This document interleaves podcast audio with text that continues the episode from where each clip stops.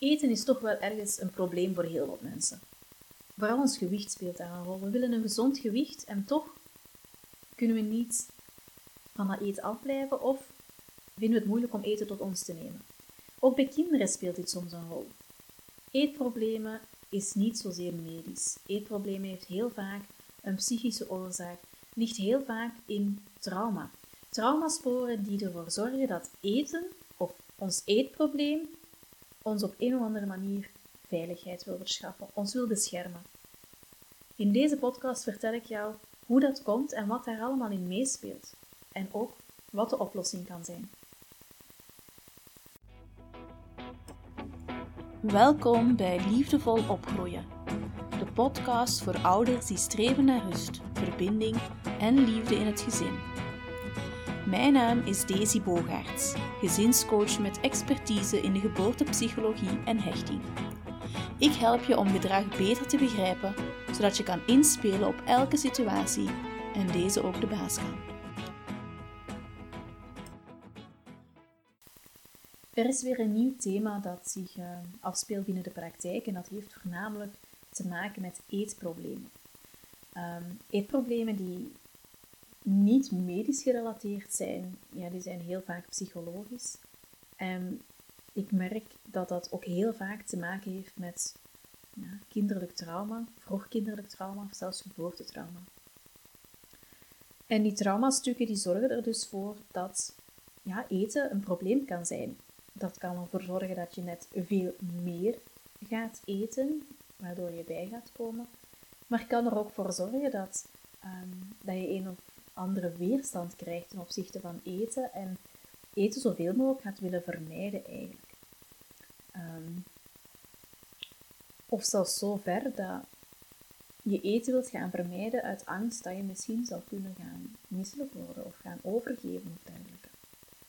En dat heeft toch wel een hele impact op heel je leven. Um,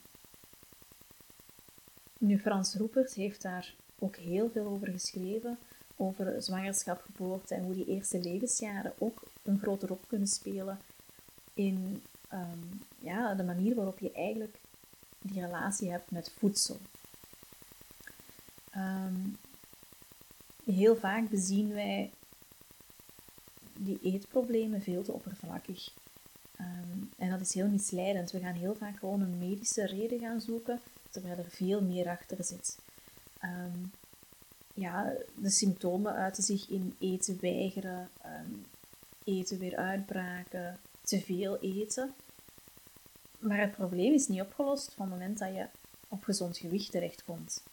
Um, heel vaak liggen eetproblemen binnen liefdestrauma.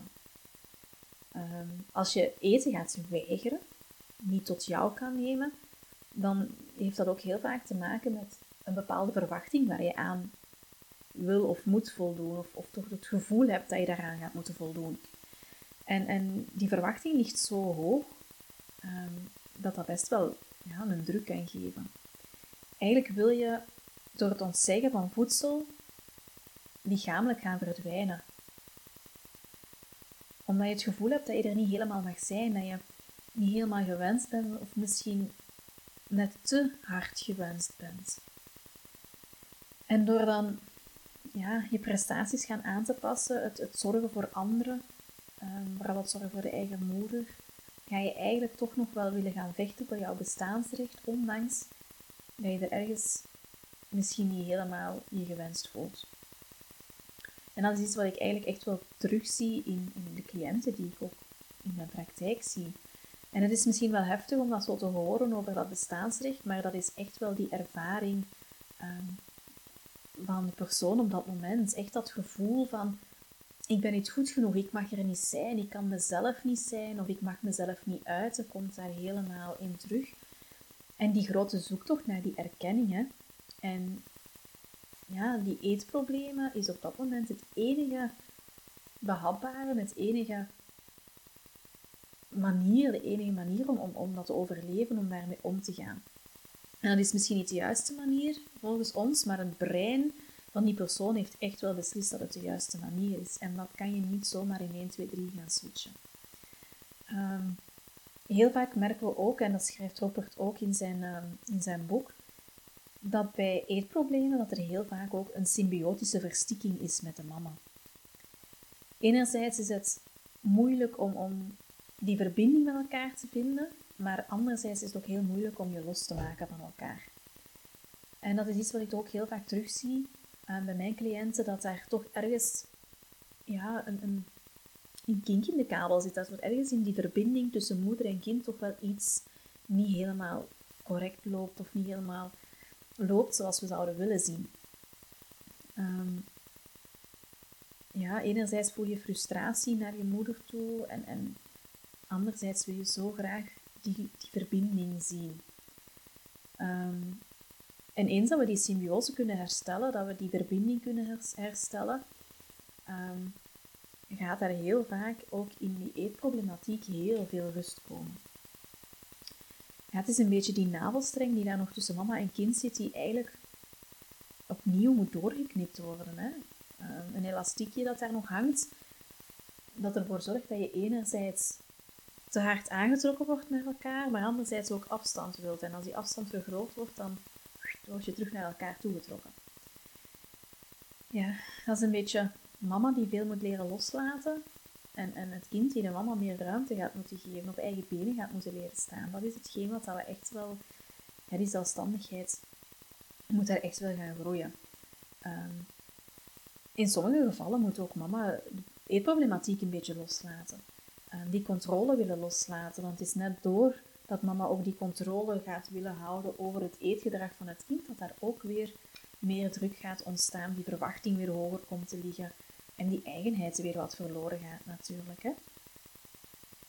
Ehm, ja, die, dat liefdestrauma, dat is echt die bevestiging. Hè. Ben ik goed genoeg? Mag ik er zijn? Ehm, kan ik echt 100% die verbinding voelen? Want het is niet omdat je er continu bent voor je kind, dat je ook ja, emotioneel beschikbaar bent. En, en dat is toch wel een heel groot verschil. Um, dan zie je ook dat een stukje vrouwelijkheid daar ook meespeelt. Um, het is wel ook heel vaak meisjes of vrouwen die, die met die eetproblemen te kampen hebben. Um, maar je wilt eigenlijk onbewust op die manier je vrouwelijkheid onder controle gaan houden. Um, braken kan dan bijvoorbeeld zo een reactie zijn over het feit dat je je niet volledig hebt kunnen uiten, dat je niet helemaal jezelf kon zijn, dat je ja, wat minder waardig hebt gevoeld. Ehm, en, en dat is toch ook een liefdestrauma, hè? als je je niet goed genoeg gevoeld hebt en, en niet het gevoel hebt gehad dat je erbij mocht zijn. En dat speelt allemaal ook een rol binnen het ontstaan van die eetproblematieken. En heel vaak moeten we dan echt wel gaan terugkijken, enerzijds naar het geboorteverhaal, gaan kijken van ehm, welke patronen hebben zich daar gevormd, welke traumasporen zijn er daar aanwezig die mogelijk um, mee een rol hebben gespeeld um, in dat gevoel van eigenwaarde. Maar we moeten soms ook meer generationeel gaan kijken. We merken ook als een bepaald kind een eetprobleem heeft, dat dat heel vaak verder getrokken kan worden in die vrouwenlijn. Dat de mama um, soms ook wel met bepaalde eetissues heeft gezeten, of nog altijd zit, en, en soms ook nog wel richting die grootouders. Um, ja, heel vaak merk ik dat bij de gezinnen waar dat die problematiek um, in voorkomt, dat dat toch eigenlijk wel een beetje prestatiegerichte gezinnen zijn. Ja, die hebben zo een, een, typisch beeld ook dat alles wel goed gaat um, in het gezin. En, en dat dat probleem van die voedselweigering ook heel vaak een beetje een geheim wordt, weggestopt wordt. of dat de persoon die dat het probleem heeft, dat een beetje probeert weg te stoppen, maar dat ook wel wat schaamte met zich meebrengt, want dat past dan weer niet hè, binnen de verwachtingen van de maatschappij of binnen de verwachtingen van het gezin. Um, dus dat schaamtegevoel speelt daar natuurlijk ook wel een hele grote rol in. En heel vaak word je daar niet in erkend. Word je niet erkend in, in, um, ja, in jouw emoties wat betreft die eetproblematiek. Heel vaak is dat elke dag een herhalend proces. Oh, zeg, kom aan, schatje, je moet nog wat eten, want anders heb je niet genoeg. Ehm, je wordt daar eigenlijk meermaals per dag continu opnieuw mee geconfronteerd. Je kan daar nooit geen rust in vinden.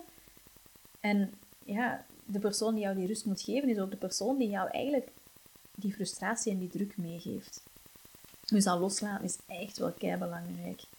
Ehm, en op een bepaald moment komt het zo ver dat je niet meer kan doen alsof alles goed gaat. Hè? En moet je wel gaan toegeven van oké, hier is een probleem en we moeten ermee verder gaan.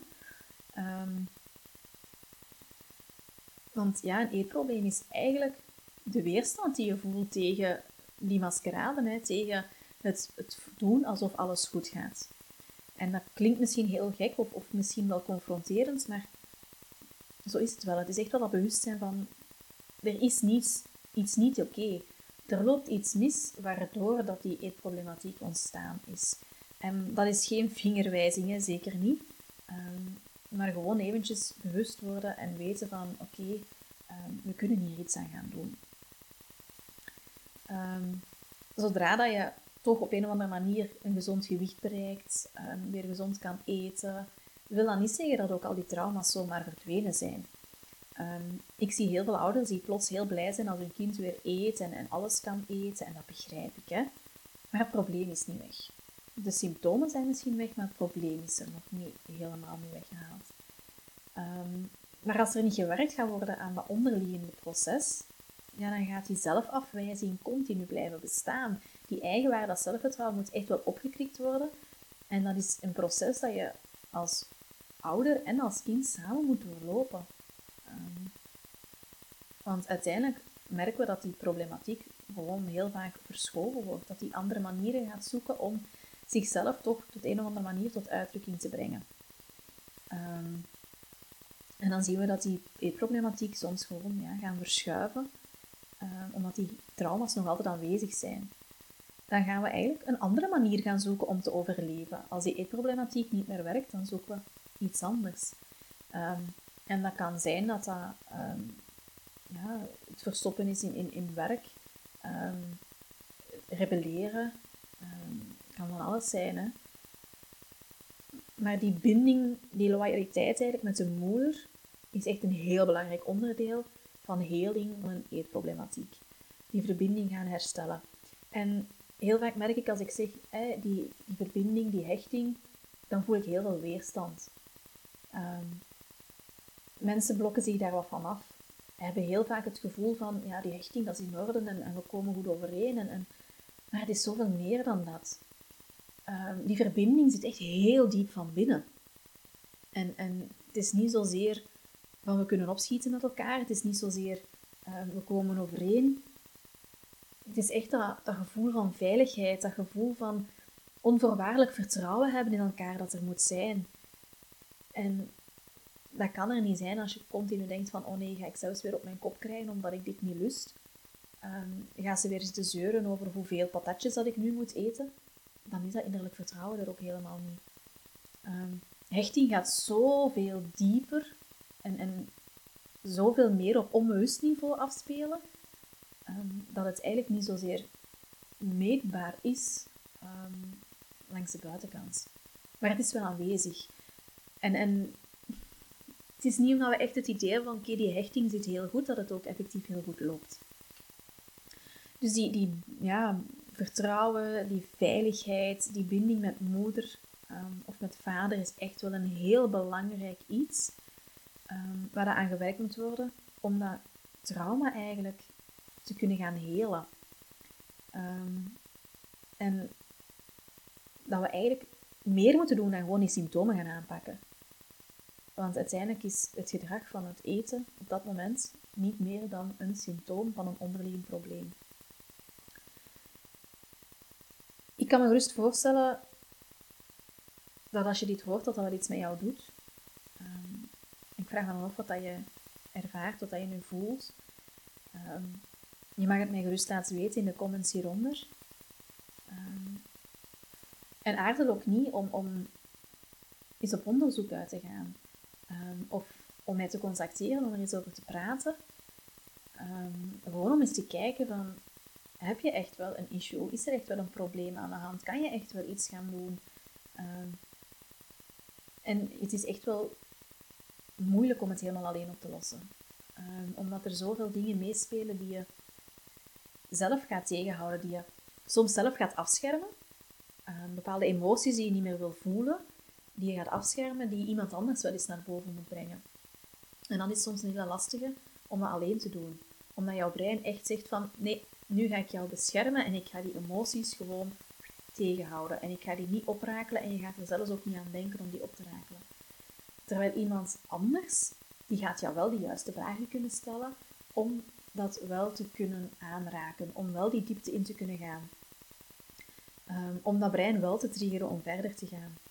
Um, maar blijf niet lopen met die issues, want het heeft zoveel gevolgen op de toekomst, op, hoe je jezelf ziet, hoe je ermee omgaat, um, maar ook de, de, de vibe die je gaat uitstralen naar anderen toe en, en hoe mensen dan zich gaan gedragen opzichte van jou. Maar denk eraan, elk gedrag is een symptoom van een onderliggend probleem is een verhaal dat gehoord wilt worden. Wat is jouw verhaal? Wat zit eronder? Laat het mij weten.